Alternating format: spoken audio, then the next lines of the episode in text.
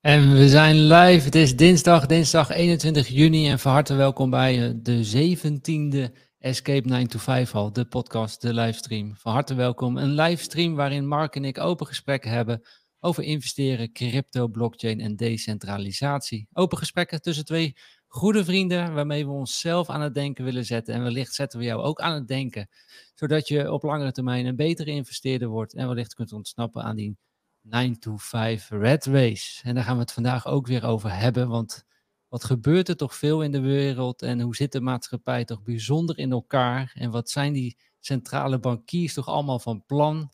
We gaan ze eens onder de loep nemen en met jullie bespreken. En dan mogen jullie zelf het oordeel vellen of jullie eraan willen blijven deelnemen of een andere route gaan, uh, gaan kiezen.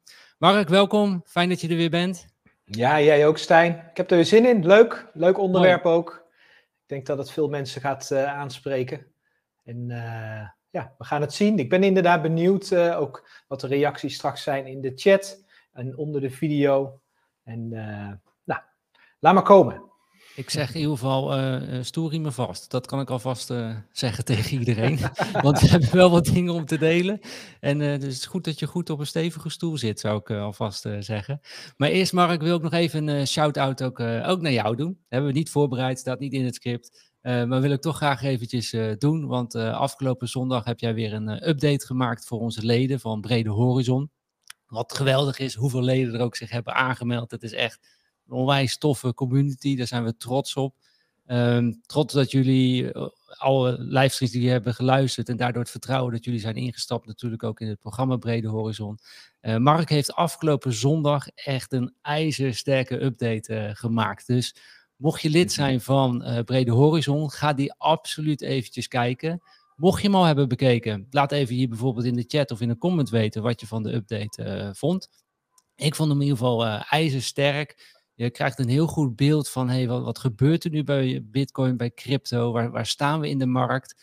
Um, je kan ook heel goed zien de risicoanalyses die, uh, die gemaakt zijn in, nou ook op de hele prijs in de afgelopen tien jaar, wat die risicoanalyse ons telkens vertelt en waar we nu zitten, krijg je gewoon heel inzichtelijk ook in die update uh, te zien.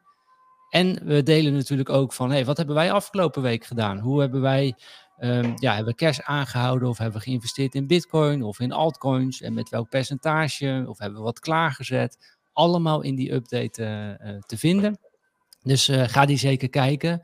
Mocht je nu het geval zijn dat je nog geen lid bent geworden, want we hebben heel even een, een klantenstop.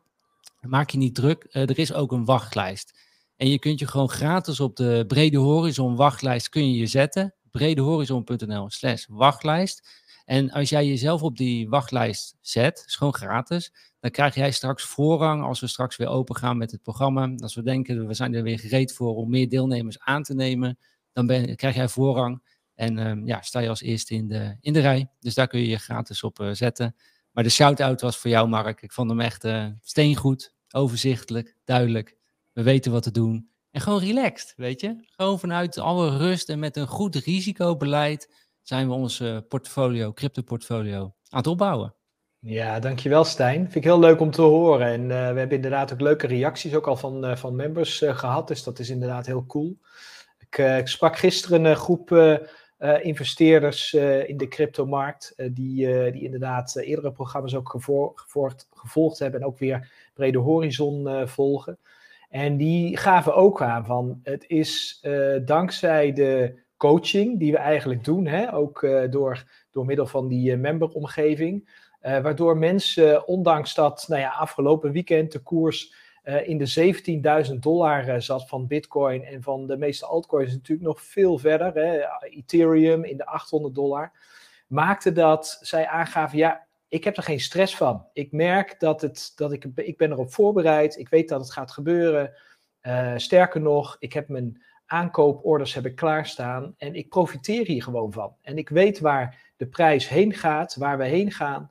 En dat is mijn horizon, dus een stip op de horizon. En wat er in de tussentijd gebeurt, maakt niet uit. En dat is de boodschap die we inderdaad ook uh, veel willen overbrengen. En uh, dat doen we natuurlijk niet door alleen maar woorden te gebruiken, maar inderdaad ook door echt die analyses uh, te maken. En zodat je ook zelf kunt beoordelen, kunt zien wat wij bedoelen. En nou, het is gewoon tof en daar, daar ben ik echt heel blij mee. Ik ben blij met jouw shout-out, maar ik ben blij ook vooral met de feedback die we dan weer van de members ook krijgen.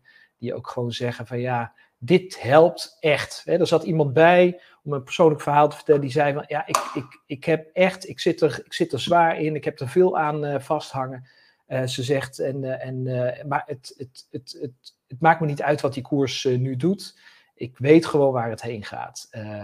En ik leef ondertussen het leven gewoon wat ik wil leven. En, ja, en dat is precies wat we willen. Hè? Ja, gewoon je eigen wind volgen. En ondertussen heel goed nadenken en strategisch uh, jezelf positioneren voor de toekomst. Ja, en ik zie ook hele mooie berichten in de chat uh, terugkomen. Nicole liet het al even zien, maar bijvoorbeeld uh, van René ook. echt een bijzonder goede en informatieve update, Mark, afgelopen zondag. Ja. B. Blauw die zegt ook goedemorgen. Ja, het was zeker een informatieve update zondag. blij mee. Joja zegt ook interessante update en goed advies. Had ik zelf niet kunnen bedenken. Uh, nou, uh, graag gedaan. Uh, goed advies. We geven natuurlijk geen financieel advies. Hè. Je gebruikt ons als extra uh, analyse tool, zeg maar. je ja. maakt altijd zelf de beslissingen, doen wij niet voor je. Maar goed, wij, wij, wij maken natuurlijk een samenvatting voor je. Waardoor je niet heel het internet hoeft door te speuren. Dat doen wij voor je. En dan mag jij mag onze analyse beoordelen. Dat is natuurlijk wel jouw taak en jouw rol die je hebt te, te doen. maar tof dat jullie, om te lezen ook meteen in de chat, als jullie zo enthousiast erover zijn. Je kunt je dus op de wachtlijst zetten, bredehorizon.nl slash wachtlijst. Zet je gratis op die wachtlijst en dan krijg je voorrang op de rest als het programma weer open gaat voor, voor nieuwe deelnemers. Goed, waar gaan we het vandaag over hebben? Vandaag gaan we het hebben over waarom centrale bankiers je ja, graag de schulden inwerken. En ik wil met jou graag brainstormen, Mark, over de, de schuldenmaatschappij die we hebben opgebouwd. En ja, of we daar eigenlijk zelf nog wel langer aan willen deelnemen. Of dat we toch uh, het anders moeten gaan, uh, gaan doen. Want je wordt er gewoon ingezogen. En daarvoor dacht ik van, nou, laten we als, als eerst eens even kijken wie, wie zitten er eigenlijk aan onze, aan onze knoppen van het financiële systeem. En want blijkbaar zitten daar mensen aan, terwijl bij Bitcoin zitten daar geen mensen aan. Hè? Dat is natuurlijk een uh, wiskundige formule. Uh, maar bij ons fiat uh, geldsysteem, bijvoorbeeld bij de dollar, daar zit de Fed zit aan, de, aan de knoppen. En bij de euro zit de ECB, de Europese Centrale Bank, zitten daar aan de, aan de knoppen. En ze zijn er eigenlijk ook heel open in, in welk beleid ze willen voeren. Ze zeggen ook gewoon heel open, ons idee is om, om aan te sturen op inflatie gemiddeld 2% inflatie per jaar. En dan moet je natuurlijk over een langere periode bekijken, maar daar zijn ze open in. Dat is, dat is gewoon wat we doen om de economie uh, te sturen. Wat ze eigenlijk indirect daarmee zeggen, is ook wel van ja, je schulden worden ieder jaar relatief goedkoper. Oftewel, schulden worden beloond met inflatie. En hier is volledig de samenleving op gebouwd. En je ziet het ook bij de overheden, bij de Belastingdienst. De Belastingdienst geeft jou voordelen als jij schulden hebt op je persoonlijke balans. En kijk, natuurlijk, wie, wie dat spel begrijpt, die kan er enorm rijk mee worden. Dat is ook, ja, en, ik, ik heb het zelf natuurlijk ook deels gedaan, weet je. Wij hebben het, uh, het Malaka Beach House, hebben een klein hypotheekje, maar dankzij die hypotheek konden we het wel meteen kopen, dat huis. Uh, en het vult iedere maand onze portemonnee. Dus ik doe, ik doe er ook aan mee dus laat daar ook open aan zijn. En dat heeft ons heel veel welvaart al meteen gegeven op korte termijn. En ik krijg telkens wel steeds meer mijn bedenkingen bij van hey, hoe lang blijft dit nog goed gaan met die schuldenmaatschappij? En, en willen we dat wel dat daar die samenleving op uh, gebouwd is? Hoe, hoe kijk jij daarnaar, Mark? Ja, ik, ik vind het heel dubbel. Het is enerzijds, uh, zoals jij net ook al mooi zegt, hè, het heeft ons heel veel welvaart gebracht, heeft ons heel veel vermogen gebracht. Uh, onze ouders, die, uh, die vaak hun huizen vrij hebben en daarvan flink uh, hebben kunnen profiteren. Um, dus dat is de ene kant. En dat wordt natuurlijk ook veroorzaakt door inflatie, want inflatie zorgt ervoor dat alles dus uiteindelijk duurder wordt, waardoor het consumentenvertrouwen of de, de noodzaak van consumenten is om hun geld uit te geven in plaats van te sparen. En, en geld in de economie is wat waard. Hè? Als het wordt uitgegeven, dan levert het een bijdrage aan de economie. Als jij iets koopt, dan heeft iemand dat kunnen produceren, dan heeft iemand dat kunnen distribueren en dan heeft iemand dat kunnen verkopen aan jou. dus je hebt een aantal mensen heb je geholpen aan, een, aan, aan werk, zou je kunnen zeggen. En dat wordt natuurlijk veroorzaakt door inflatie, omdat volgend jaar is, uh, dat stuk meubel of dat huis of die auto is duurder. Want er is inflatie. dus dat is enerzijds de positieve kant. Ehm, dat we schulden konden maken en dat het aantrekkelijk is omdat die schulden toch steeds minder waard worden, heeft ook veel gebracht. Ehm, heeft ervoor gezorgd dat heel veel mensen vermogend zijn geworden. Maar de andere kant is dat het voor heel veel mensen op dit moment, of eigenlijk al jarenlang, bijna niet meer mogelijk is om naar uh, een huis te kijken. Een, uh, een vriendenstel van ons, die hebben zo een aantal jaren geleden, ik geloof nu zes, zeven jaar geleden, wilden ze een huurappartement uit en wilden ze gaan kijken naar een koopwoning. En nou, ze gingen naar de hypotheker toe, hè, of een, een, een, financieel adviseur. Ze lieten zich voorrekenen hoeveel ze konden financieren. En nou, daarvoor gingen ze een woning zoeken. Nou, daar, en daar zagen ze diverse woningen voor. Alleen ja, er is veel concurrentie, dus ze kwamen niet, ze, ze, kregen die woning niet altijd, of eigenlijk altijd niet. Uiteindelijk gingen die prijzen van die woningen waar zij naar wilden kijken, wat ook voldeed voor hun gezin, die dreven langzamerhand van hun weg. En daarmee bedoel ik, de prijzen die stegen, maar hun inkomsten die stegen natuurlijk niet naar vanand. Oftewel hun koopkracht voor die woning, hè, om wat ze aan hypotheek konden krijgen, dat steeg ook niet met gelijke trend. Dus uiteindelijk hebben zij ervoor gekozen en zijn daar overigens heel gelukkig mee hoor. We hebben ervoor gekozen om inderdaad dus ja, steeds verder buiten de stad waar ze eigenlijk wilden wonen, te gaan kijken of ze daar een woning konden krijgen. En, en, en dat is natuurlijk een beetje, beetje het, het, het nadeel daarvan. Enerzijds mooi als je een huis hebt, als je het bezit, profiteer je daarvan. Maar als je het niet hebt en je moet het opbouwen, eigenlijk in de afgelopen tien jaar al, is dat vrijwel niet mogelijk. Ik heb een, je, wordt, je, wordt, eigenlijk ook meteen gedwongen, Mark, om. Um, kijk, het is natuurlijk mooi in die periode, in de beginperiode, dat je kon lenen voor je geld. Was natuurlijk mooi dat het meteen mogelijk werd gemaakt. Maar nu zitten we natuurlijk in een periode dat er eigenlijk dat je steeds meer risico moet nemen met jouw persoonlijke persoon financiën. Je wordt gewoon gedwongen om steeds meer risico te nemen om toch nog dat huis te kunnen, uh, kunnen betalen en te financieren. En ja, tuurlijk en, zit en, het kan bijna niet meer, Stijn. Ah, kijk, als je gaat kijken naar uh, in de jaren uh, 70, 80, toen, als je toen een huis wilde kopen, dan uh, werd één inkomen meegenomen bij een, bij een bank. En uh, dus op basis daarvan waren die huizenprijzen ook gebaseerd. Er, er was een man en een vrouw, even traditioneel, en, die, en een gezin, die wilde een huis kopen. En dan werd vaak het inkomen van de man werd meegenomen. Ehm, ook al werkte die vrouw ook fulltime, maakte niet uit. Ehm, maar dat zorgde er wel voor dat de huizenprijzen dus een bepaald plafond hadden. Want ja, anders zijn er niet meer kopers. In de jaren 90 of eind jaren 80 hebben ze dat veranderd. Toen mocht opeens het eerst met een tussenstapje mocht het tweede inkomen voor de helft meegenomen worden. Maar vrij snel mocht het tweede inkomen helemaal meegenomen worden. Ja, wat denk je dat die huizenprijzen hebben gedaan? Kabam, huppakee, omhoog. Bijna verdubbeld, zeg maar. En dat hebben we natuurlijk in de jaren 90 hebben we dat ook gezien. En eigenlijk sindsdien hebben we vooral kunnen, zijn de huizenprijzen vooral omhoog gegaan, omdat de rentes gewoon enorm gedaald zijn. En dat zien we dus. En de vraag is dus, wat als we die inflatie nou niet hadden gehad? Wat als we die, uh, die rentedalingen niet hadden gehad? Waren dan de mensen die die woningen gekocht hadden, waren die dan nu zo vermogend geweest? En wat waren de huizenprijzen op dat moment geweest? Ik denk persoonlijk dat de huizenprijzen dan veel normaler waren geweest uh, dan dat ze nu uh, zijn. En dat kan zomaar zo zijn dat als we naar de reële waarde van een huis uh, gaan, gaan kijken en van de grond gaan kijken, dan kan het zomaar zo zijn dat die misschien maar 40 of 30 procent waard is van de huidige woningprijs. En we zitten nu natuurlijk een krankzinnig gekke periode. Ehm, ja, dus, dus twee dingen, Mark. Van, je kunt het spel uh, heel de tijd rekken door, nou, eerst mag maar één inkomen geld lenen, dan uh, anderhalf uh, mensen inkomen mag, mag geld lenen. Dan zeggen we van, nou, je kunt geld lenen, maar alle aflossingsvrij, weet je, dan heb je ook niet die maandelijkse ja. lasten. En je, je, kunt het een aantal keer gaan rekken, zeg maar. Maar kunnen we het ja. nu nog wel verder rekken? Oh ja, we kunnen de rente naar beneden doen. Oh ja, kunnen we het weer verder rekken? Ja, waar zitten we nu in het spel natuurlijk? En Um, dus dat, dat moet je denk ik heel goed uh, beseffen. Dat uiteindelijk aan schulden creëren kan, maar uiteindelijk zit er ook een keer een einde aan. En dat mensen het niet meer accepteren en er geen vertrouwen meer hebben in die fiat-munten natuurlijk. Het tweede is denk ik voor de huizenprijs, is denk ik als we die leencapaciteit niet hadden vergroot, dat de prijs veel meer ehm, gewoon gericht was op vraag en aanbod. En dan kan het nog steeds dat de huizenprijzen stijgen in Nederland, omdat er gewoon meer vraag is dan aanbod. En dat de mooie plekjes waar veel mensen willen wonen, ja, daar kun je een hogere, er is meer vraag naar, daar kun je een hogere ehm, prijs voor vragen, want het is schaars, dus dat mooie plekje en dan willen mensen dat ook betalen.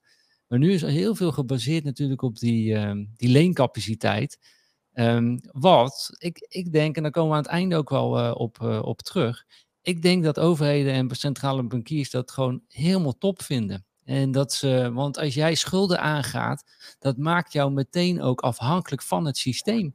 En dan kom je er ook heel moeilijk uit. Hoe vaak horen we het niet om ons heen? Dat mensen in die 9 tot 5 uh, SK red race zitten. En daar zeggen, ja, ik kom er niet uit, ik heb die hoge hypotheek. En als ik ga verkopen, sta ik onder water. Of ja, nou, misschien op dit moment niet, maar de, dat ze dat, ja, ik zit met die hypotheek, daar werk ik voor. Dus je wordt in dat systeem getrokken eigenlijk. En er is heel moeilijk dan aan te ontsnappen. Dus ik denk dat centrale bankiers, overheden hebben er helemaal geen baat bij dat jij schuldeloos bent. Want dan ben je niet meer afhankelijk van hen. Dus dat is ook iets om over, over na te denken. Nou, dat is in ieder geval de conclusie die we wel langzamerhand kunnen trekken. Jij zegt het al mooi, hè? als iemand een baan heeft waar hij eigenlijk niet gelukkig in is, maar hij zit in die gouden kooi, zeg maar, hij heeft dat salaris en kan daarmee de hypotheek betalen, ja, dan kun je zeggen, zelfs met overwaarde kan hij dat verkopen. Maar wat is het alternatief? Huren. Uh, de huren zijn sky high en er zijn heel weinig huurwoningen beschikbaar. Zeker op het moment dat jij gewoon een bovenmodaal inkomen hebt. Dus uh, er zijn echt niet veel alternatieven, uh, in ieder geval in Nederland. En ik ben het met je eens het, het, uh, het maakt het, je, je, wordt een slaaf van het systeem. Je zit gevangen in het systeem. Ja. En je kunt dat natuurlijk zelf ergens doorbreken, alleen het is wel heel, heel lastig. Verdomde lastig, ja. Uh, Ron heeft een hele interessante comment. Hij zegt, uh, ik denk dat niet zozeer de prijzen stijgen, maar dat door het systeem en de inflatie ons geld steeds minder waard wordt en zo de armoede ook gecreëerd wordt. En dat is ja. een interessante, Ron. Um, dat, dat, ik denk dat ook. Ik ben het helemaal met je, uh, met je eens. Maar mensen hebben dat niet door. Mensen denken dus dat ze steeds rijker worden, omdat ze die huizenprijzen zien stijgen en omdat ze een huis hebben. Dus mensen hebben het gevoel dat ze rijker worden. Terwijl eigenlijk wordt de armoede steeds groter. En armoede kan je natuurlijk in prijzen uitdrukken, maar je kunt ook het uitdrukken in hoeveel uur je moet werken om dat huis te onderhouden natuurlijk. En ja. ik heb het idee dat iedereen zich helemaal te pleuris af en toe werkt, gewoon in Nederland. Als, als wij er af en toe zijn, niemand heeft tijd. Absoluut. En ik, ja. ik ben het helemaal met je eens, uh, Ron. Het is, het is, we, we, zien dat in Nederland zien we dat minder, omdat we er minder mee te koop lopen. Maar in de Verenigde Staten zien we dat eigenlijk al twintig jaar lang. Het is daar uh, heel gebruikelijk in de middenklasse dat je meerdere banen hebt. Niet één baan, nee twee, soms drie banen. Gewoon om je, je natje en je droogje, je basisvoorzieningen te kunnen betalen. En Niemand snapt er wat van. En ik denk dat, dat, we, dat we dat nu ook in Nederland ook al gaan realiseren. Ik, denk, ik weet zeker dat er veel kijkers zijn die zich ook realiseren van... Het is gewoon niet meer te doen. Het, eh, ik krijg het gewoon niet meer rond. Ik, ik kan niet meer de boodschappen doen die ik wil doen. Ik kan niet meer die auto rijden die ik wil rijden. Of überhaupt, ik moet rekening houden met de kilometers die ik maak in verband met, uh, met brandstof. Het is gewoon niet meer te doen. En dat zie je ook met mensen die met pensioen zijn. Want um, uh, op het moment dat jij heel jong bent en jouw inkomsten zijn, of jouw je uitgaven zijn uh, uh, laag, weet je, dan, dan groei je daar nog wel in. De eerste vijf, zes jaar dat je gaat werken, dan, dan voel jij wel degelijk dat je meer te besteden hebt. Maar daarna met een gezinssituatie, absoluut niet. Maar mensen die in een pensioensituatie komen, ook absoluut niet. Want die kennen niet een, ja, die kennen een kleine uh, uh, nee, trouwens ook niet meer. Veel pensioenfondsen kunnen die inflatiecorrectie niet meer opbrengen. Dus ze, ze worden letterlijk, hoe ouder ze zijn, hoe minder ze te besteden hebben. Ja, maar ja, we doen het voor de samenleving, hè? niet indexeren. Dat uh, krijg ik ook wel eens te horen. dus uh, uh, ja, ja, voor alles is wel weer iets te vinden dat we het goed vinden dat die pensioenen niet geïndexeerd worden. Ja, dat is natuurlijk gewoon uh, beroving. Maar goed, ja. um, dat is misschien een ander uh, onderwerp. Maar waar ik een beetje naartoe wil is even, dan gaan we, we hadden het er al over van oké, okay, wie geeft dan het geld uit? Hè? Wie beheren dat? Is de, de Fed uh, in de, voor de dollar en de ESB voor de, voor de euro. En laten we eens kijken, hey, hoe ziet hun boekhouding eruit? En hebben zij het een beetje op orde of maken ze er eigenlijk ook gewoon een puinhoopje van? Want zij zijn tenslotte die het, die het uitgeven. En ik heb hier even de, de balanssheet van ehm, de vet, van de dollar, heb ik even voor jullie meegenomen. En dan kun je, nou, kun je zelf zien hoe dat gegroeid is. En we zaten dus in uh, maart 2020, uh, nou, stond er dus uh, 4, 4, 4000 miljard op de balans van de, van de Fed. En dan zie je dus in twee jaar tijd is dat naar bijna 9000 miljard uh, gegaan. Dus door alle opkoopprogramma's, door al het gratis geld wat ze in Amerika hebben uitgedeeld aan de Amerikanen. Um, ja, eh, is die balans ziet er dus al heel anders uit. Er staat er nu dus nu uh, 9000 uh, miljard op die balans. En als je dat, dus dat is 50% meer in twee jaar tijd. En als je dat gaat omrekenen, is dat. 100% meer.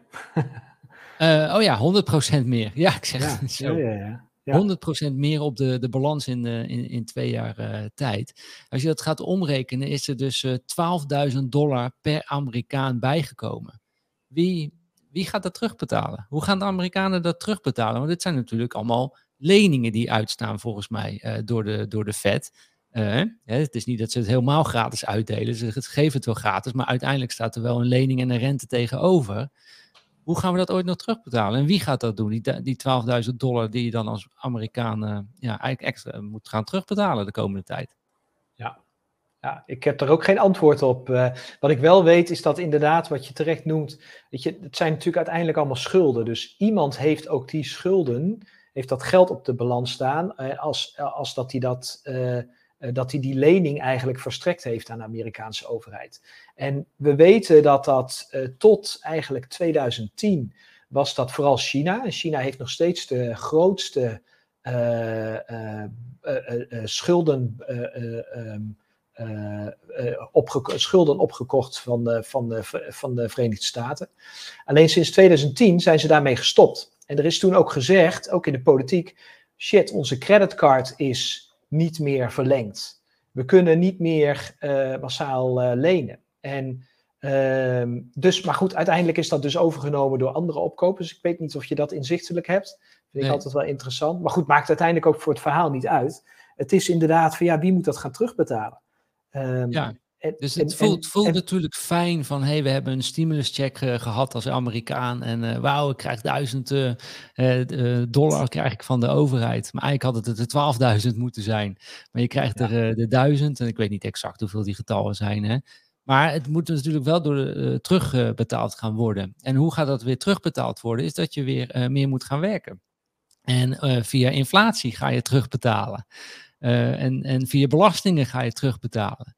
Dus uiteindelijk ja, komt het toch weer terug bij jezelf en komen we nog meer in die, uh, die red race terecht. En ik heb hier ook een, uh, nog een andere grafiek. Jij wil iets zeggen, Mark? Ja, ik denk, kijk, het kan, omdat we nu naar een Amerikaanse grafiek aan het kijken zijn en een Amerikaanse schuld aan het kijken zijn, kunnen we het idee hebben dat die schuld dus bij de Amerikanen thuis hoort. Maar dat is niet waar. Hè? Uiteindelijk is de dollar nog steeds de belangrijkste uh, munt zeg maar, op de wereld. Alles is vervolgens weer gekoppeld aan die dollar. Heel veel handel wordt gedreven met die dollar. Dus wie betaalt die schuld? Dat zijn niet alleen de Amerikanen. Dat is de hele wereld. De hele wereld betaalt daaraan mee. En hoe doen we dat? Inderdaad op dit moment door inflatie. De inflatie is sky high. Die is uh, ruim 8%, bijna 9% de officiële inflatie. Hè? En dan, dan re rekenen ze heel veel dingen natuurlijk niet eens mee. Dus de werkelijke inflatie zal veel hoger liggen. Maar de officiële inflatie ligt op ruim 9%. Dat betekent dat in Europa de inflatie nog veel hoger ligt. Als we dat aanhouden tegen de prijzen die in de Verenigde Staten uh, van toepassing zijn. En daar gaan we dus allemaal aan meebetalen. En dat is ook een van de redenen waarom op een gegeven moment in uh, Zuid-Amerika, in, uh, nou vergeet ik de naam van het 18? land weer, waar, nee, waar ze de bitcoin, waar ze de bitcoin... El Salvador? El Salvador, dankjewel. En El Salvador, die president, die zag dat gebeuren, dat uh, bijdruk van dat geld. Zij, waren, zij gebruikten de Amerikaanse dollar als, als, als, uh, als, als munt, zeg maar. Als, zij hadden, hebben geen eigen munt, ze hebben de Amerikaanse dollar als munt. En zij zagen dus dat daar heel veel geld in die economie gepompt werd. En dat hun geld dus direct minder waard wordt, omdat zij dezelfde munt gebruikten. En dat is ook de reden geweest waarom die gezegd heeft: ja, maar wacht even, dit gaan we niet doen. Jullie profiteren ervan en wij worden kei en keihard worden wij armer. en dat is ook een van de redenen geweest voor hem om over te stappen op Bitcoin. Ja, ja, daar gaan we nog een keer een andere live show over uh, maken, Mark. Uh, er is een boek dat heet The Confessions of an um, Economic Hitman. Dat is de, ja, dus van een elektronische, nee, een economische huurmoordenaar. Hoe die uit Amerika dus op pad wordt gezet om naar ja, derde wereldlanden te gaan. Om die geld te, geven tegen leningen. Tegen leningen zo hoog dat ze het eigenlijk niet meer terug kunnen betalen, die landen. Waardoor ze altijd afhankelijk zijn van Amerika wil ik een keertje nog een live show over uh, gaan, uh, gaan maken met je.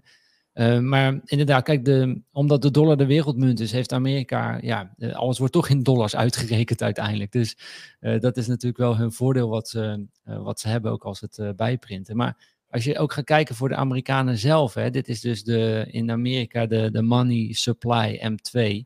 Dat is dus ook hoeveel geld er gewoon in de economie terecht komt. Um, nou ja, in de afgelopen van 1960 tot 2022, ja, je ziet de lijn. Is gewoon uh, kaarsrecht omhoog gaat. En zoveel geld zit er gewoon extra al in die economie. Ga je gewoon heel eventjes alleen kijken naar de afgelopen uh, twee jaar, is er dus 39% meer geld in die economie in Amerika. Ja, vinden we het gek dat we inflatie hebben? Dit, dit, dit krijg je als overheden de geldprinten gaan, uh, gaan aanzetten. En er is geen, er is geen max supply. Net als bij Bitcoin, waar het er maar 21 miljoen zijn en niemand kan het aanpassen. Ja, dat, dat is hier niet gewoon.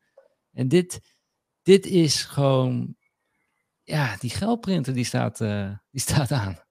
Ja, en, en dit hebben we natuurlijk al vaker genoemd. Maar ik heb het idee dat we dit niet vaak genoeg kunnen benoemen, omdat uh, we uh, nog steeds weinig mensen het lijken te realiseren wat voor een impact dit heeft. En als je ook gaat terugkijken naar, naar de geschiedenis. Hè? Kijk, je hebt het mooi staan. Ik moet even goed knijpen met mijn ogen. 1960, klopt dat, dat het begint? Ja. Oh nee, ja, 1960. Ehm, als je kijkt hoeveel geld er toen ehm, bijgedrukt werd, of in de economie gepompt werd...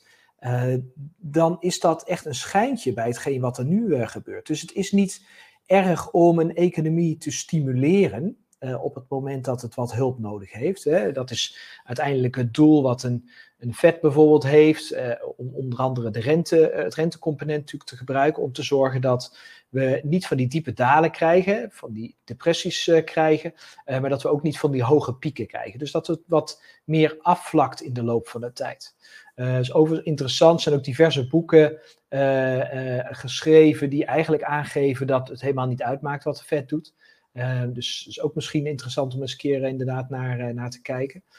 Maar wat ik ermee wil zeggen is, um, sinds 2008. 2008 was eigenlijk het moment dat ik in ieder geval voor het eerst inzicht kreeg, de wereld is failliet. Amerika is failliet, landen zijn failliet, Uh, oh, veel banken, het hele bankensysteem is verrot. En in 2009 is uh, Bitcoin gestart. Niet gek, dat was het moment dat er voldoende draagkracht was en voldoende ja, uh, leverage was eigenlijk om te zeggen, ja, en nu zijn we het zat, we willen een ander systeem willen we gaan hebben. daarvoor had je ook al andere Bitcoin achtige systemen. Maar die hebben het nooit gered omdat de tijd nog niet rijp was. Maar toen Lehman Brothers viel, toen we een enorme huizencrisis kregen, financiële crisis kregen, een landencrisis kregen, toen was het de tijd rijp voor een vernieuwing van het systeem. En sinds 2008 is, uh, mijn inziens hoor, dat is mijn mening, ik hoor graag wat jouw mening is als kijker, uh, en voor jou Stijn, is, is het systeem eigenlijk al klaar. En sindsdien zit het in een verlengingsperiode. En de enige manier om het te verlengen is door nog meer geld erin te pompen. Maar eigenlijk maakt het dan niet uit, want het was in 2008 al veel te veel geld, veel te veel schuld. Dus het maakt helemaal niet uit. Gooi de kraan maar open, we zijn toch al failliet. Uh, dus zolang iedereen nog in het systeem blijft geloven, want dat is het enige wat het nog overeind houdt, is het vertrouwen van heel veel mensen, doordat ze eigenlijk niet precies weten wat er gebeurt. Zolang het systeem blijft lopen, ja, kunnen ze dat blijven doen. En dat kan ook nog tien jaar gebeuren, zolang mensen dat doen. Uh, en zolang mensen daar vertrouwen in blijven hebben. Ja, en, en centrale bankiers weten dit. Die weten dat het systeem uh, stuk is. Die weten dat ons geld gewoon uh, stuk is. Um, en ze hebben natuurlijk de kredietcrisis. Wat is de crisis? Ja, het kredietprobleem. Nou, hoe hebben ze dat opgelost met meer krediet? En ja. zolang wij daarin geloven, kunnen, kan dat nog uh, doorgaan. Maar ik denk dat ze een oplossing hebben. En de centrale bankiers die hebben een oplossing, zijn er eigenlijk ook al best wel open over dat wil ik aan het einde van deze livestream ook al met jullie de delen. Dat je daar een idee over krijgt waarin, eh, waarvan ik denk welke kansen opgaan. En waarom we dus uh, uit onze schulden zo snel mogelijk uh, moeten. Dus gaan we het zo nog even doen. Um, wat ik nu nog wil laten zien is natuurlijk, kijk op zich als, als iemand een, een schuld aangaat, dat kan ik best wel, als je er gewoon met een, laten we gewoon even kijken naar, even naar personen hoe dat zou werken. En je bijvoorbeeld met een privé-investeerder werken. En dat jij zegt van hé, hey, ik heb een goed business idee, ik heb daar even wat machines voor nodig.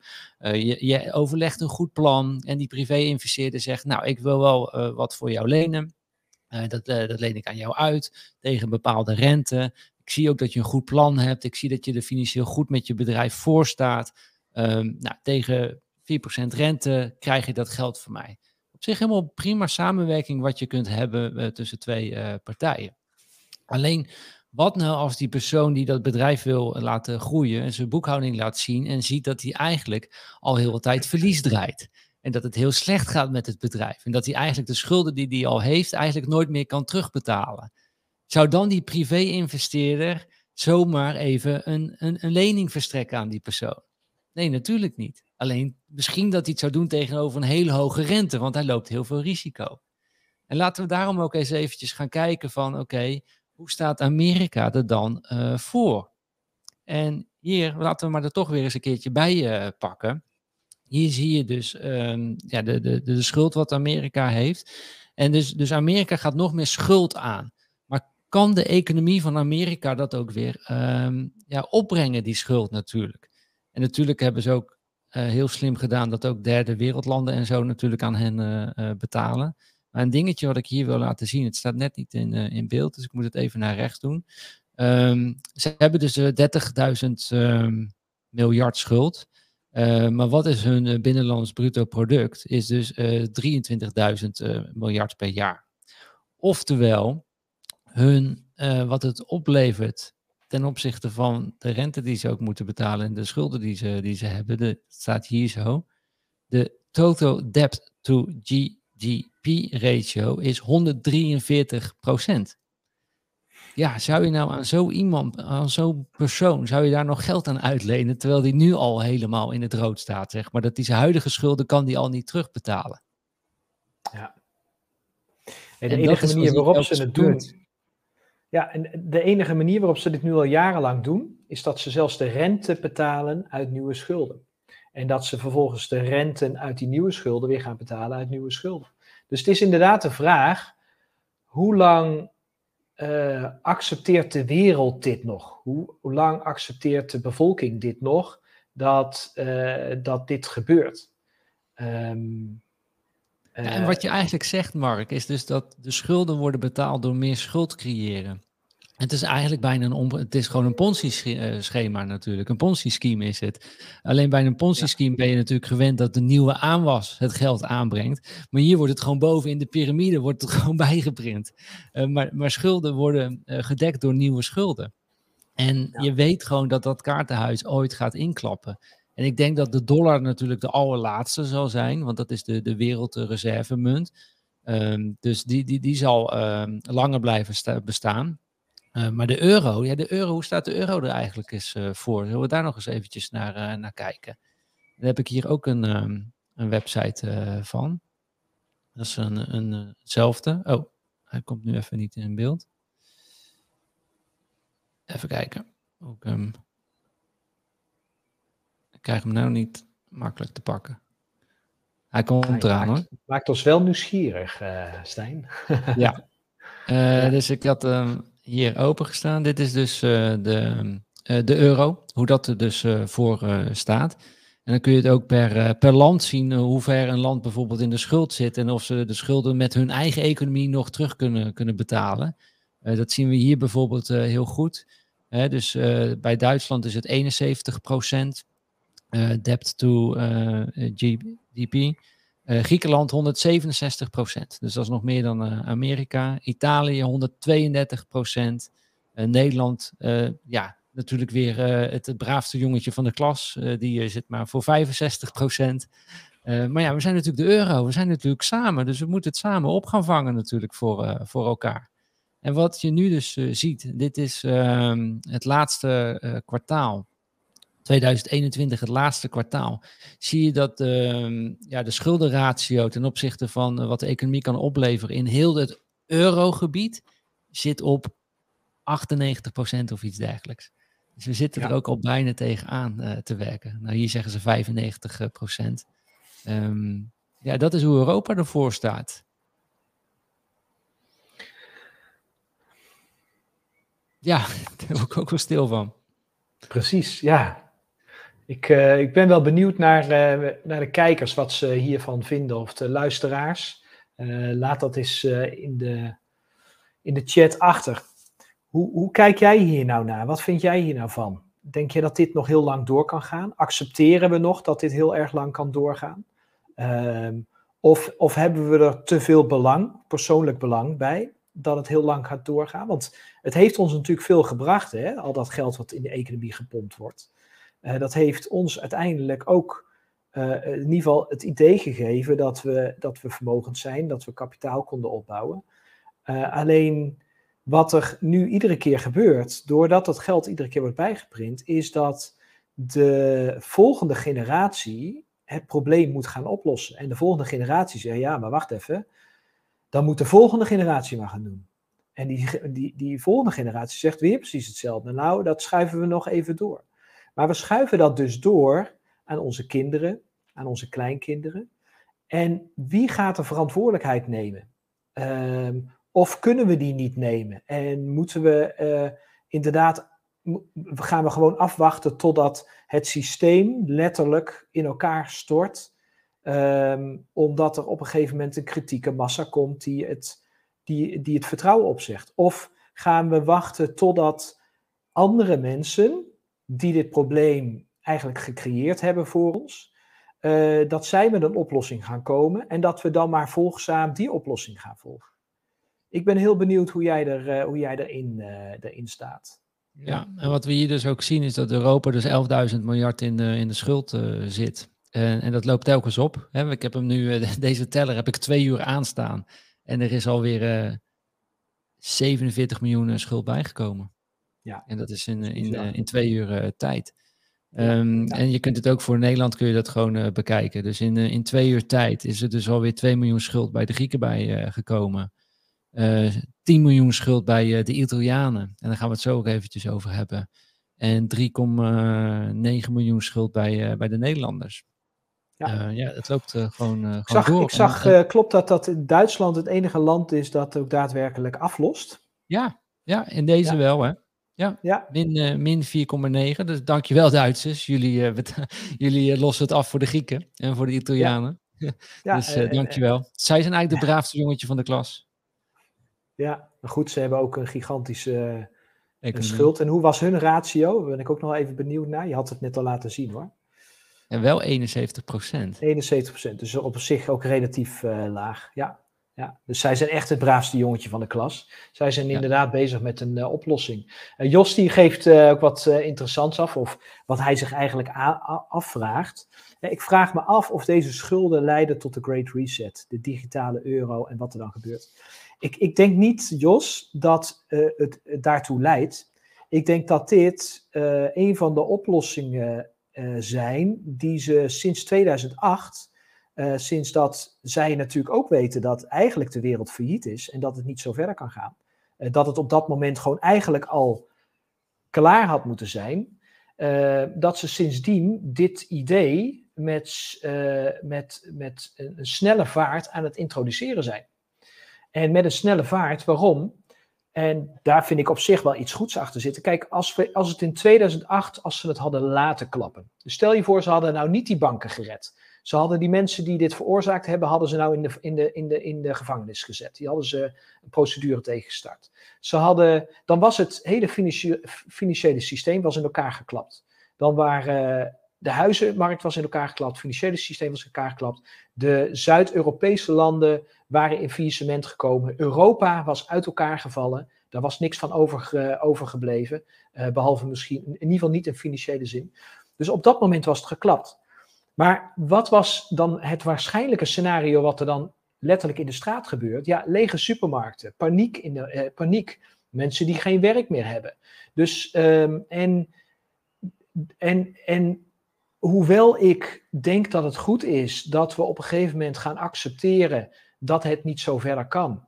En hoewel dat ik denk dat het goed is dat we over een oplossing moeten gaan nadenken, dat we misschien wel over een great reset moeten gaan nadenken, maar dan misschien op andere voorwaarden dan dat nu in dat boek eh, beschreven staat, COVID-19, The Great Reset.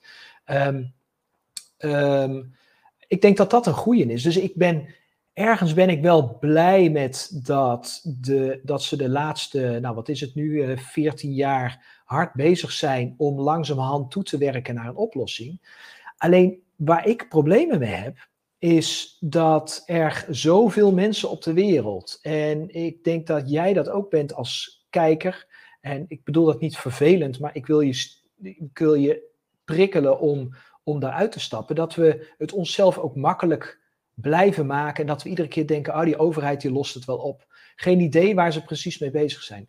Toen ik in 2010 was dat, uh, toen uh, de zuidelijke landen, Griekenland, uh, Italië, Spanje volgens mij ook, Portugal, toen die op het punt stonden om omgevallen te, om te vallen, toen heeft Europa die gered door een systeem te bedenken wat nog niet bestond, maar wat ervoor zorgde dat er weer nieuwe schulden gemaakt konden worden. En waardoor die landen uh, langer de tijd kregen om dat op te lossen. Je weet dat nog wel, hè? In, in Griekenland kon, konden mensen toen met 50 jaar met pensioen. Uh, uh, dat was een regel, dat stond in de grondwet. Eh, een andere regel was dat één persoon van het gezin altijd recht had op een baan bij de overheid. dat was ook een regel. Al dat soort gekke regels hebben ze moeten afschaffen. Pensioen hebben ze moeten uitstellen. Nou, er is heel veel ophef is daarover geweest. Maar er moest wel wat gaan gebeuren. En de, um, uh, ik ben blij enerzijds dat dat gebeurd is. Alleen dat betekent wel dat we ons moeten realiseren dat minimaal alles wat er in de afgelopen uh, eh, 14 jaar is bijgekomen, dus sinds 2008, alles wat meer waard is geworden in de aandelenmarkt, in de vastgoedmarkt, misschien ook wel in de cryptomarkt, dat dat misschien ook allemaal terug weer moet naar dat niveau waarop dat toen stond. En ik zeg niet dat het gaat gebeuren, want weet je, ze kunnen voor hetzelfde geld kunnen ze nog tien jaar het geld blijven, blijven blijdrukken. Hè? Op het moment dat jij, ik, eh, iedereen er gewoon vertrouwen in blijft hebben. En het interesseert ons niks waar het geld vandaan komt, als we maar gewoon ons leven kunnen leiden zoals we dat tot nu toe ervaren hebben. Uh, dan kan dit nog heel lang in stand gehouden worden. Alleen ergens moet er een knip gezet gaan worden. Dat, dat kan niet uitblijven. En ik denk dat het goed is om dat jij voor jezelf gaat nadenken: oké, wat kan ik in mijn leven veranderen, waardoor ik niet meer afhankelijk ben van dat systeem. Dus niet meer afhankelijk van die werkgever, uh, daar waar ik in die gouden kooi zit. Uh, niet meer afhankelijk ben van een hypotheekverstrekker of van een andere leningverstrekker. Wat kan ik uit mijn leven weglaten om het zo ingericht te hebben dat, dat, dat, dat ik gewoon er kan zijn. Dat ik kan leven, dat ik kan eten, drinken, er voor mijn kinderen kan zijn, voor mijn kleinkinderen kan zijn. Wat is daarvoor nodig? En als je die antwoorden hebt en je gaat je leven in de komende jaren op die manier inregelen, dan zul je merken dat op het moment dat die knip op een gegeven moment gezet gaat worden, dat dat jou eigenlijk niet meer gaat raken. Omdat jij eigenlijk al uh, een ander systeem, een andere visie op het leven uh, hebt. En niet alleen hebt, maar ook bent gaan leven. Ja, ik ben het er helemaal mee, uh, mee eens. En daarvoor zei je ook nog iets interessants, uh, Mark. En daarin uh, onderscheidt Bitcoin zich meteen vanaf, van het, het fiat geld. Want wat jij nu ook zegt is dat we die knip die zetten we steeds later, zeg maar. En die, die, die ballon die vult zich steeds meer en die schuldenberg wordt steeds groter. Dat als we straks een keer die knip gaan zetten, ja, wordt, dan wordt de schade voor heel de wereld ook veel groter en heftiger en intenser. Dus het is beter, we hadden veel beter die knip veel eerder moeten zetten we leefden gewoon te groot. We leefden groter dan onze portemonnee. Dat is wat we hebben gedaan. En dat is ook wat de, eh, een ECB en de Fed telkens stimuleert bij ons. Weet je? Dus die knip die had gewoon veel eerder moeten, moeten, moeten komen. En dat is het interessante bij, uh, bij, uh, bij Bitcoin. Kijk, als jij in Bitcoin bijvoorbeeld investeert en je komt in de problemen, dan gaat Bitcoin niet zeggen: Ik ga jouw problemen oplossen. Nee, dan, zegt, dan, worden gewoon jouw, dan wordt jouw positie, bijvoorbeeld als jij met geleend geld in Bitcoin zit, dan wordt jouw positie ja, wordt heel hard, maar wordt geliquideerd. Maar het wordt wel heel snel, wordt het opgeschoond en wordt die, die, die maatschappij, die economische maatschappij, wordt weer gecleand. Terwijl in dit fiat geld, dan heb jij schulden, je komt in de problemen. Oh, we creëren nog wat meer schulden. En we gaan weer door met z'n, met z'n allen. De, kijk, bij Bitcoin zijn er geen bail-outs. Er zijn geen uh, reddingsoperaties dat Bitcoin jou komt redden. Dat, dat, dat gebeurt niet. Terwijl de, de, de mensen die ons geld beheren, die gaan ons redden door meer geld te creëren. En misschien is Bitcoin dan nu wel heel erg volatiel en is het soms hard voor je. Maar die knip wordt wel heel snel gezet. En daardoor gaat alle lucht gaat er weer uit. En daardoor kunnen we weer verder groeien. En zo kan je laag op laag ja, sustainable verder groeien met z'n allen. Ja. Ja, mooi inzicht uh, Stijn. Ik denk dat dat, dat is helemaal waar. Het is uh, precies wat je zegt.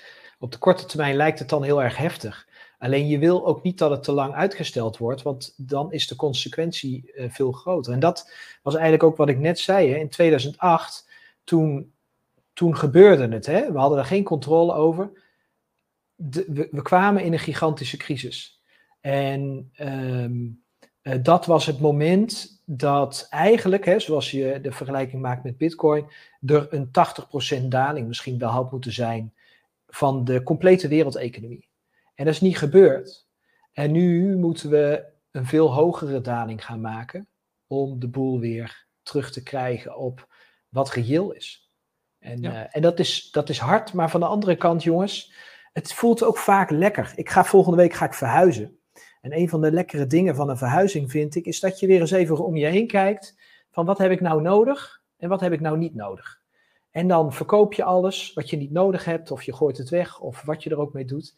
Maar je creëert weer even een, een, een, een nieuwe stap, een reset zou je kunnen zeggen, uh, waarmee je je leven verder gaat, uh, gaat inrichten. Wat is nog belangrijk voor mij en wat is niet meer belangrijk? En ik denk dat zo'n opschoningsactie, uh, dat, dat, dat dat uiteindelijk ons allemaal veel blijer gaat maken. Ik denk dat het heel veel stress uit de wereld gaat halen. Ik denk dat er, dat er veel minder mensen ziek zullen gaan worden. dat we veel minder medicatie nodig hebben. Ik denk dat we veel meer tijd zullen hebben voor ons gezin, voor de mensen die voor ons belangrijk zijn, onze vrienden en familieleden op het moment dat de stress, de collectieve stress, die nu in al, al, uh, al decennia lang, zeker sinds de jaren negentig alleen maar opgelopen, in de markt zit. De onbalans tussen privé en werk, de onbalans tussen, nou ja, alles zou je kunnen zeggen. Hoe fijn is het als we die ook kunnen resetten en weer terug bij onszelf kunnen komen en vanuit daar weer met hopelijk de learnings die we gehad hebben, weer een verdere opbouw gaan, gaan maken.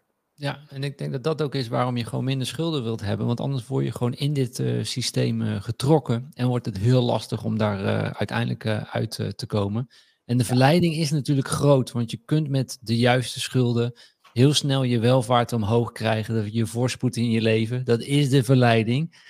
Maar er kan ook een keer een klap komen natuurlijk. En je zit vast, je lost, ja, dat, dat is ook natuurlijk. Uh, uh, nog twee dingen die ik graag met je wil bespreken, maar, uh, Mark, is uh, ik denk dat de, de Europese Centrale Bank klem zit. en het tweede, en dan wil ik ook even over Italië gaan, gaan hebben met je. En ja. het tweede is dat we nog even over de Great Reset gaan, gaan hebben. En dat we gaan bespreken wat ik denk wat de centrale bankiers gaan, gaan doen. En ik denk dat ze eigenlijk ondertussen al een oplossing hebben gevonden. Alleen ze moeten het zo gaan deponeren bij ons dat er geen sociale onrust ontstaat. Want als er één ding is wat ze niet willen, is sociale onrust. Want dan, dan, gaat, dan zijn, raken ze de macht kwijt. Dan, want dan krijg je een revolutie. En dus ze gaan het zo manipuleren, spelen, dat er geen sociale onrust is. Maar we moeten er wel iets voor inleveren. En daar wil ik denk toch ook de mensen wel uh, bewust van maken. Gaan we, laten we heel eerst even nog kijken naar uh, de de ESB, ik denk dat zij klem zitten. Zij zitten klem tussen hoge inflatie, wat zij natuurlijk ook niet willen, want hoge inflatie leidt tot sociale onrust. Nou, net aangegeven, dat is iets wat ze zeker niet willen. Dus ze willen eigenlijk ook die rente verhogen. Want daarmee zouden ze het een beetje kunnen sturen en komt er wat rust in de markt en kan de inflatie uiteindelijk gaan, uh, gaan dalen. Want er komt minder geld in de markt, mensen gaan wat minder uitgeven. Uh, ja, vraag en aanbod komt er weer terug. Hè, als er minder vraag is, dan gaan die, uh, de, producenten gaan het ook weer goedkoper aanbieden. dus ze moeten de rente verhogen. Maar ja, daar zitten ze klem tussen. Want als ze de rente gaan verhogen, dan gaat de, de rente dus voor leningen die landen zijn aangegaan, gaat ook omhoog. Dus in Italië zit natuurlijk al in de schulden. Um, kan het met hun eigen economie, kan het al niet opbrengen. En dan gaat de rente omhoog. En dat was iets van de 10 rente was naar 4% gegaan. Uh, ja, dus uh, ja, dan gaat Italië nog meer failliet natuurlijk. Dus dat ja, leidt ook weer tot, ons, tot sociale onrust natuurlijk. Dat, ze zitten klem. Ze kunnen ook eigenlijk die rente niet... Ehm, verhogen gewoon. Um, en dus dan komt er ook weer meteen, dus de, de, ene week dan roepen ze van, hé, hey, we gaan ook in Europa, ja, ja, we gaan de rente verhogen, we gaan die inflatie beteugelen. En daarna is er meteen een, een spoedbijeenkomst en we gaan Zuid-Europa uh, redden met de schulden. Um, ik denk dat dit ook al een vooropgezet uh, plan was. ze hebben natuurlijk de afgelopen twee jaar onder het mom van COVID en nu onder het mom van het groene klimaat hebben ze allerlei uh, noodfondsen opgericht. En ik denk dat ze vanuit deze noodfondsen, wat eigenlijk dus bedoeld was voor corona en voor uh, uh, het klimaat, dat ze dus eh, Italië gaan, gaan redden. Want ze kunnen het niet hebben dat Italië omvalt, want dan valt Europa om en valt de euro uit elkaar. En dat is natuurlijk ook iets wat ze hebben gezegd. Ja, Europa moet bij elkaar blijven. Dus daar gaan we alles bij doen. Dus ja, daar wordt uiteindelijk toch weer geld bij printen. En, zo en ik vind, ik vind het een, ik vind het wel een briljante actie, uh, Stijn. Want wat ze eigenlijk. Kijk, landen in Europa, die hebben allemaal schulden. Die heb jij net heel mooi laten zien. Hè? Wel, welke schulden we per land hebben. Maar Europa zelf had nog geen schulden. Nul. Dus wat hadden ze bedacht, inderdaad, wat jij nu ook noemt als oplossing? Weet je, laten we gewoon als Europa, als Europese Unie, gewoon schulden gaan maken. Want wij zijn echt wel kredietwaardig, want hè, we zitten in het Westen en eh, er zitten allemaal goede, eh, goede landen zitten eronder. En dan wordt er dus helemaal niet gekeken naar de schuldenlast die er al in die landen is. Wat jij net ook mooi hebt laten zien. We zitten al bijna op 100% GDP, bruto, bruto binnenlands product, zeggen wij dan in Nederland. Hè, dus alles wat wij in Nederland verdienen, dat hebben we aan schulden gemiddeld gezien in Europa. Nederland heeft officieel 65%, maar als ze alles op één hoop gaan gooien, is het bijna 100%. Maar daar wordt niet meer naar gekeken. Nee, dat laten we nu even links liggen. We gaan gewoon als Europa schulden maken. En dan gaan we daarmee de schulden aflossen van de zuidelijke landen. Ja, en, in eh, plaats van dat ze dus zeggen, want dat is wel interessant wat Jos van Diepen aangeeft. Ja, want hij zegt ja, maar ze zullen wel herstructurering van Italië eisen, ga ik van, ga ik van uit.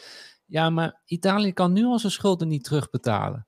Waarom, dus in het begin hebben ze dat ook al extra aan Italië gegeven. En die zijn ook weer niet goed geherstructureerd. Hier zit gewoon het, het grote probleem. Is het lijkt wel een cultuur binnen zo'n zo'n partij. Is niet van, oké, wat, wat ik uitleg. Als iemand die schuld al niet kan aanbetalen, ga je hem niet, niet kan betalen, ga je hem niet nog meer lenen. Maar dat, is, dat lijkt hier wel het beleid.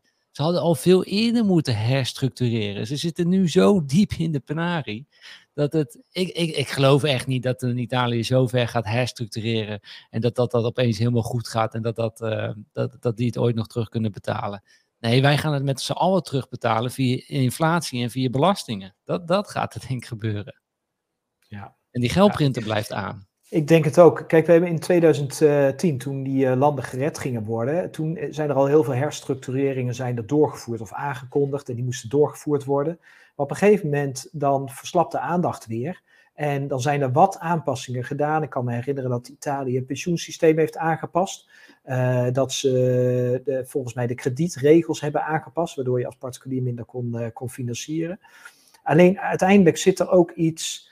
Um, zit het gemak misschien ook wel in de cultuur om, ja, of, of überhaupt in de mens. Uh, laten we het zeker niet naar Italië alleen kijken, maar nee. laten we ook naar Nederland kijken.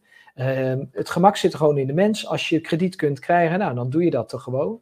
En de aandacht is verslapt in de afgelopen tien jaar weer.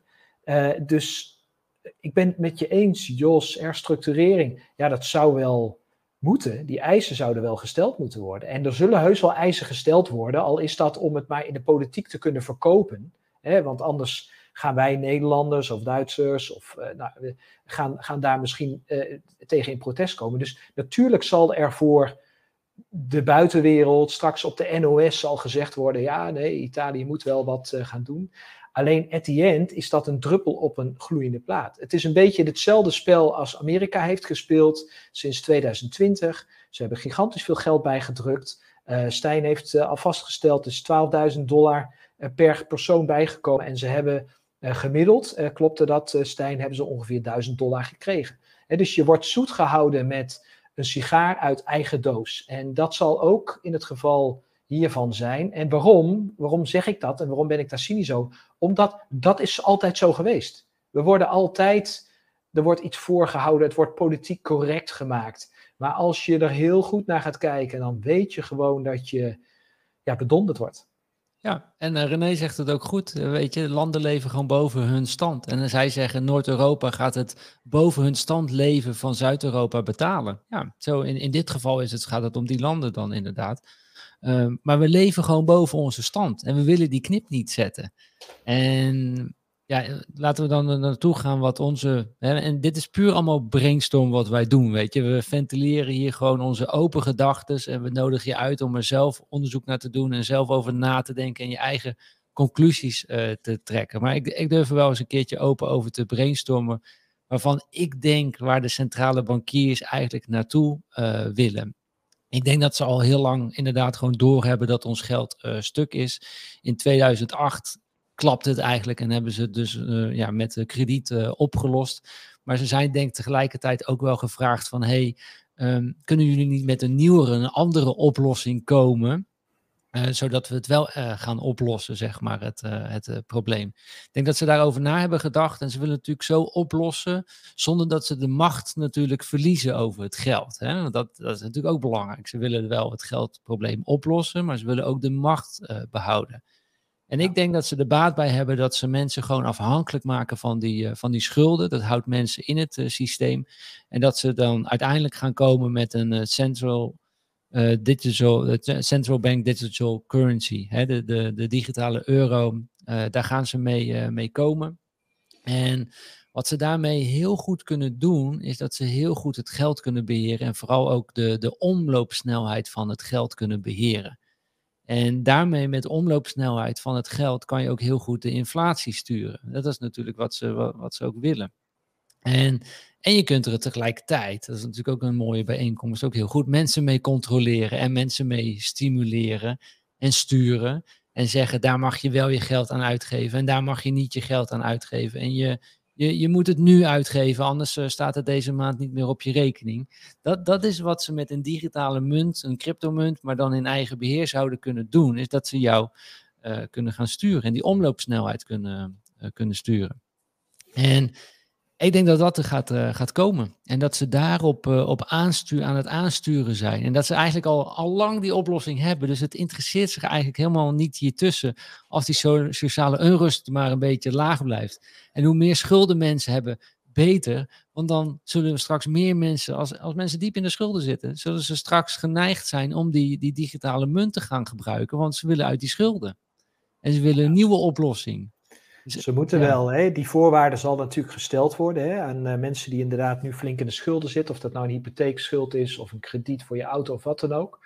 Uh, op het moment straks zal dat, is het idee, is ons idee, zal dat overgenomen gaan worden. Dus dan, wordt, dan wordt, worden je schulden eigenlijk kwijtgescholden, maar dan wel uh, met dat je je persoonlijke leven gaat herstructureren en ze zullen eisen gaan stellen. En een van die eisen zullen inderdaad zijn dat je dus 100% in het systeem gaat werken wat, uh, wat zij gecreëerd hebben, waardoor ze inderdaad precies invloed hebben over je geld. En ja, hoe klinkt dat dan? Kijk, Stijn zegt dat net, maar hoe gaat dat dan praktisch? Kijk, we hebben het hier over cryptogeld. En cryptogeld, dat is gewoon digitaal geld, programmeerbaar geld. Dus je kunt gewoon programmeren dat het geld wat jij krijgt aan het einde van de maand moet op zijn.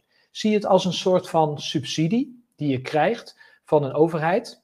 En uh, die moet aan het einde van het jaar moet die op zijn. En je mag er alles mee doen, maar als die van het einde van het jaar niet op is, dus je hebt bijvoorbeeld 10.000 euro heb je gekregen, het einde van het jaar is die 10.000 euro niet op, dan zegt de subsidiegever zegt eigenlijk, nou dan heb jij die 10.000 euro kennelijk niet nodig, dus dan krijg jij volgend jaar 9.000 euro. Ik zeg niet dat dit gaat gebeuren, maar dit zijn, ik, ik denk dat je er wel van uit moet gaan dat alles wat mogelijk is, alles wat wij kunnen bedenken, dat dat in ieder geval iets is wat zij ook kunnen bedenken. En dat zullen ze niet meteen gaan doen. Ze zullen niet meteen jaar één op die manier je gaan dwingen. Nee, maar ook daarvoor, hè, sociale onrust, zoals Stijn dat het mooi heeft, onder controle houden. We gaan ieder jaar gaan we een klein stapje maken, waardoor je steeds meer gewend raakt eigenlijk aan dat systeem waar zij, waar ze heen willen gaan. Waarbij eigenlijk de elite, zou je kunnen zeggen, of wie dat dan ook zijn, Ehm, in ieder geval controle houden over, uh, over, over het systeem en vooral over uh, jou als persoon. En als jij dat wil, hè, er zijn natuurlijk heel veel mensen die dat fijn vinden, dat er voor gezorgd wordt en dat ze er weinig voor hoeven te doen en, uh, en dat je die punten hè, als het ware krijgt, die europunten krijg je dan overgemaakt. En daar kun je dan wat, wat voor kopen. Um, dat is natuurlijk heel fijn. En als jij dat heel fijn vindt, dan denk ik dat je gaat profiteren daarvan. Um, alleen vinden jouw kinderen dat ook fijn? En vinden jouw kleinkinderen dat ook fijn? Geef je hun ook nog de keuze om inderdaad in vrijheid te leven? Of ga je toch besluiten om buiten het systeem te leven? En buiten het systeem betekent niet dat je hoeft te verhuizen, maar betekent dat je je voedsel op een andere manier gaat aanschaffen. Dat je op een andere manier met elkaar in connectie eh, blijft. Dat je dus eigenlijk zegt: hé, hey, Lieve, lieve overheid, ik weet het, ik kan dat geld voor jullie krijgen, maar weet je, laat maar. Het hoeft niet, dank je wel. Ik, uh, ik hoef niet dat uh, geld, ik, ik ga voor mezelf zorgen. Ja, dat, dat zou onwijs krachtig zijn natuurlijk. En um, dus, dus dit denk ik wat het oplossing is, Mark. Dat ze dat al lang weten en dat is het gaan van het gewone geld. Gaan ze naar programmeerbaar geld. Ja. En dan kunnen ze weer een, eh, een hele cyclus door. Kunnen ze misschien wel generaties door. Maar uiteindelijk gaat dat ook weer klappen natuurlijk. Want uiteindelijk gaat dat ook weer tot sociale onrust uh, leiden. Maar dan kunnen ze het in ieder geval hun eigen levensjaar... kunnen ze het waarschijnlijk helemaal uh, redden en uitzingen. En ze gaan dat heel, heel langzaam, heel snicky, heel beheerst... gaan ze dat weer uitrollen. En ik vergelijk het maar... Het is gewoon eigenlijk een monetaire reset.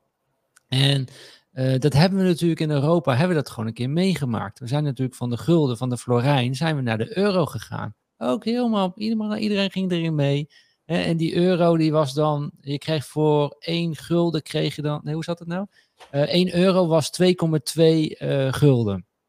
Zo was het. En iedereen ging erin mee. Alleen vijf jaar later kwam je erachter van, hé, hey, eigenlijk alle prijzen zijn eigenlijk gewoon verdubbeld. Weet je, en zo gaat het nu ook weer gebeuren. Mensen gaan er gewoon weer in mee. Dat gewoon weer heel langzaam, heel sneaky. En uh, opeens denk je, fuck, ik zit nu vast in het systeem. Wat een klote systeem. En daar, ik hoop echt dat mensen nu wakker worden en denken van, oh, dit moet echt zo anders. En, en Bitcoin kan dit gewoon oplossen. Het is, het is waanzinnig dat we voor het eerst in de geschiedenis gewoon een alternatief hebben op geld, op digitaal geld. Um, het is ook programmeerbaar geld, maar de, de regels staan, staan vast voor Bitcoin. En is voor iedereen gelijk. Gelijke behandeling, waar je nu ook woont, waar je, waar je zit. Iedereen mag gratis een wallet aanmaken en, en kan geld aan elkaar gaan overmaken, kan waarde transporteren. Um, Zonder dat er uh, bail-outs zijn, reddingsoperaties zijn vanuit Bitcoin. Nee, ja, het wordt gewoon, die schulden worden er gewoon meteen uit Ehm, die fouten als mensen die maken, worden gewoon meteen ja, afgestraft en, en, en, en eruit gehaald. En dat houdt het uh, systeem eh, clean en eerlijk voor iedereen. Ja, en dat is eigenlijk het alternatief, hè, zoals wij dat zien, Stijn, is op het moment dat we gewoon Bitcoin gaan omarmen. Niet als asset om daar rendement mee te maken, maar gewoon als geldmiddel om elkaar mee te betalen. En wij besluiten dat met z'n allen te gaan doen. Uh, en met elkaar op die manier voortaan af te rekenen, dan creëren we onze eigen economie. En, uh, en, en dit gebeurt wereldwijd, gebeurt dit nu ook al. Met name die landen die, die het heel zwaar hebben, die veel verder van de dollar nog afstaan, waar de inflatie al, al mega-inflatie is. Dan heb ik het over Afrikaanse landen, Noord-Afrika, Zuid-Afrika, maar ook Zuid-Amerika, Azië een klein beetje. daar zie je nu dat Bitcoin gewoon gebruikt wordt om mee te betalen. in Europa zien we het ook. Ehm, de, de oorlog in de Oekraïne, denk je dat je daar nog normaal met elkaar kunt betalen? Nee, dat bankensysteem ligt plat. Dat is dicht, dat werkt niet meer. Um, dus de manier waarop nu journalisten daar bijvoorbeeld een taxichauffeur betalen om ergens heen te gaan, is door het betalen in bitcoin. Dus het is ook al in Europa. Dus waar de onrust is, waar het systeem uit elkaar valt, is bitcoin wereldwijd nu al de oplossing. En ik ben benieuwd of jij het met ons eens bent. Laat dat eens onder de chat uh, achter of onder de video. Uh, ben je het met ons eens dat Bitcoin inderdaad een oplossing kan zijn? En dat we dan onafhankelijk van elkaar kunnen werken? Want Bitcoin heeft ook alles. Bij Bitcoin kun je ook lenen. Bij Bitcoin kun je rente krijgen. Met Bitcoin kun je elkaar betalen. En allemaal zonder dat er iemand iets over te zeggen heeft. Niemand kan er aankopen. Ze kunnen je dat niet afvakken. Er kan niks bijgedrukt worden. Ik ben geen Bitcoin-maximalist. Um, alleen ik zie wel steeds meer dat Bitcoin voor heel veel problemen op de wereld eigenlijk de oplossing draagt. En dat doet hij door dat het zo simpel in elkaar zit en dat er geen persoon aan te raken is. Er is geen CEO. Er is geen er is niet één persoon die, die, die verantwoordelijk is voor Bitcoin. Ik weet dat ze in de Verenigde Staten hebben ze vorig jaar hebben ze op een gegeven moment iemand aangewezen als aanspreekpunt voor Bitcoin. dat was ongeveer een maand. want dat had natuurlijk helemaal geen zin, want die persoon werd helemaal niet erkend. Niet door de community, door niemand. Want Bitcoin staat niet voor een persoon of een bedrijf of een land of wat dan ook. Nee, Bitcoin is van iedereen. Dus, en Mark, uh, Bitcoin kent ook geen emotie.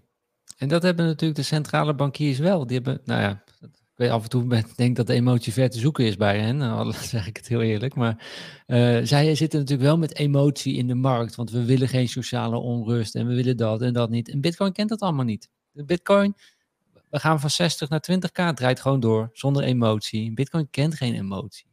Ja, um, ja. Dus dat is, uh, dat is interessant. En um, als laatste aanvulling nog is de is kijk, gratis geld bestaat dus gewoon niet. Weet je, dat hebben we nu ook gezien. Gratis geld wat is uitgedeeld, betalen we nu terug via inflatie. Um, als mensen dus je straks gaan voorhouden, uh, houden, je krijgt gratis geld via die pro programmeerbaar geld, zoals een uh, eh, CBDC het bestaat niet. Je moet er iets voor inleveren. En wat ga je ervoor inleveren? Ja, waarschijnlijk de mensen die diep in de schulden zitten en daardoor in de problemen zijn gekomen en dat niet meer kunnen betalen, die gaan hun onderpand inleveren. En wat ga je inleveren? Nou, dat is bijvoorbeeld je huis. Dat zijn al je bezittingen. En wat ga je nog meer inleveren? Ja, ik denk dat je je persoon, persoon gaat inleveren, dat je je vrijheid gaat inleveren. Um, want je moet je gehoorzamen naar hoe dat geld is geprogrammeerd. Dus daarmee geef je dus ook je vrijheid op. Dus ook al krijg je iets gratis, je, moet, je, je betaalt er wel een prijs voor. En dat betaal je dan misschien niet in geld, maar je betaalt het wel in je vrijheid of in je creativiteit of in je bewustzijn, in wat je mag denken en wat, wat je mag zeggen. En als je dingen zegt, dan, word je, dan zeggen ze, nou, dan houden we even wat geld in bij je. Of dan mag jij niet naar dat event toe. En dat hebben we natuurlijk ook gezien in de afgelopen twee jaar. Weet je, dit, zijn geen gekke dingen meer. Wie, wie had het ooit bedacht dat we met een mondkapje op zouden lopen in Europa? Wie had ooit bedacht dat we in een lockdown nog zouden gaan zitten met z'n allen in, in Europa? Dingen gebeuren, weet je. Dus uh, wees hierop uh, op, uh, op voorbereid. En ik denk inderdaad, Bitcoin kan dit oplossen voor ons. Maar die keuze hebben wij in onze hand als wij het omarmen of niet. Als wij het niet omarmen, gaat Bitcoin het niet oplossen. Blijft Bitcoin gewoon doordraaien, maar gaat het niet oplossen. Wij zullen het wel moeten omarmen met z'n allen. Je moet die buurman die nou ligt te slapen en diep in die schulden zit, zit en daar helemaal krom voor werkt, ook eens even aanporren en wakker maken. En hem eens even, ja, misschien deze livestream laten zien hoe, hoe onze uh, centrale bankiers bezig zijn. En dat hij wakker wordt en denkt van ja, we gaan het anders doen. We gaan, we gaan geld met elkaar overgeven, maar zonder centrale bankiers. Ja, bitcoin. Ja. Oké. Ik dus denk dat dit een mooie afsluiting is voor ehm, de podcast van vandaag denk het ook, Mark. Ik zie één reactie, daar wil ik toch wel heel eventjes uh, beschepen. Dat is van uh, hashtag uh, club. En die zegt een beetje later reactie, ik bleef hangen. Bitcoin is eindig, dus hoe kun je hier een wereldeconomie opbouwen? En bovendien is ook in dit systeem sprake van machten. Degene met de meeste bitcoins bepaalt. Ja. Um, nou, misschien wil iemand vanuit de community reageren. Ik denk dat ze hier ja, dat is, al dat is al gedaan. Kijk, lees dit boek eens. Right on the money. Bitcoin P. Blauw. Ga, dat, ga daar eens naar uh, kijken, uh, hashtag club. En, uh, en kom dan weer eens terug in onze podcast. En, en laten we er dan eens verder over gaan praten. Exact. Dus even een, een nadenkertje voor iedereen. En beantwoord zelf voor jezelf deze vragen. En dan bekijk dan of je in fiat of in bitcoin wilt zitten. Ik zou zeggen, bedankt voor het kijken. Tot over twee weken is het dit keer. Je hebt het al aangegeven, Mark. Jij gaat volgende week ga jij, verhuizen. Dus uh, volgende week is er geen livestream, maar over twee weken is er uh, wel een livestream. Uh, eens even kijken, wat is dan de datum? dinsdag 5 juli, 11 uur, zijn we er weer live. En ik heb eigenlijk al een, een titel bedacht, Mark. Ik heb nog niet overlegd met jou. Maar ik ga hem nu maar delen en dan kijken we ook bij de kijkers of ze hem leuk vinden. Maar ik dacht, laten we het eens hebben over hoe overleef je een beermarket? En dat we daar eens over gaan, gaan sparren. we zitten natuurlijk in een een dalende markt van, uh, van bitcoin, van crypto. Maar hoe, hoe overleef je nou die bear market? En uh, ik vind het wel interessant om met jou daarover te, te brainstormen, Mark. Superleuk onderwerp. Gaan we doen. Ik zie jou in ieder geval over twee weken en ik hoop jullie ook allemaal. Dankjewel voor alle likes en uh, leuk dat je erbij was. Ook de discussie in de chat word ik heel blij van. En als je nou in de vertraging aan het kijken bent, laat dan even je bericht achter onder, de, onder de video. Wij lezen alles en wij vinden het leuk om jou ja, zienswijze en inzichten eh, te, te horen. Uh, en heb je een wat uh, langer bericht, stuur ons dan gerust een, uh, een e-mail. En dat kan naar info, apenstaartje, escape9to5.nl geloof ik. Of contact, ja, apenstaartje. Contact at escape9to5, de podcast.nl. even een linkje. Of uh, contact at bredehorizon.nl dan. ja, op zo'n manier. Maar laat gewoon, een, ik vind het beste reactie onder deze, deze video. Dan kan iedereen meelezen, kan iedereen reageren. We doen het ook als community natuurlijk. Uh, dus uh, laat gewoon een reactie achter onder deze video. Kan op YouTube. het is ook terug te luisteren op Spotify.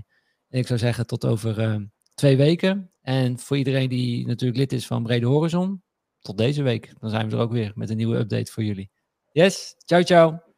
Tot volgende Tot ziens.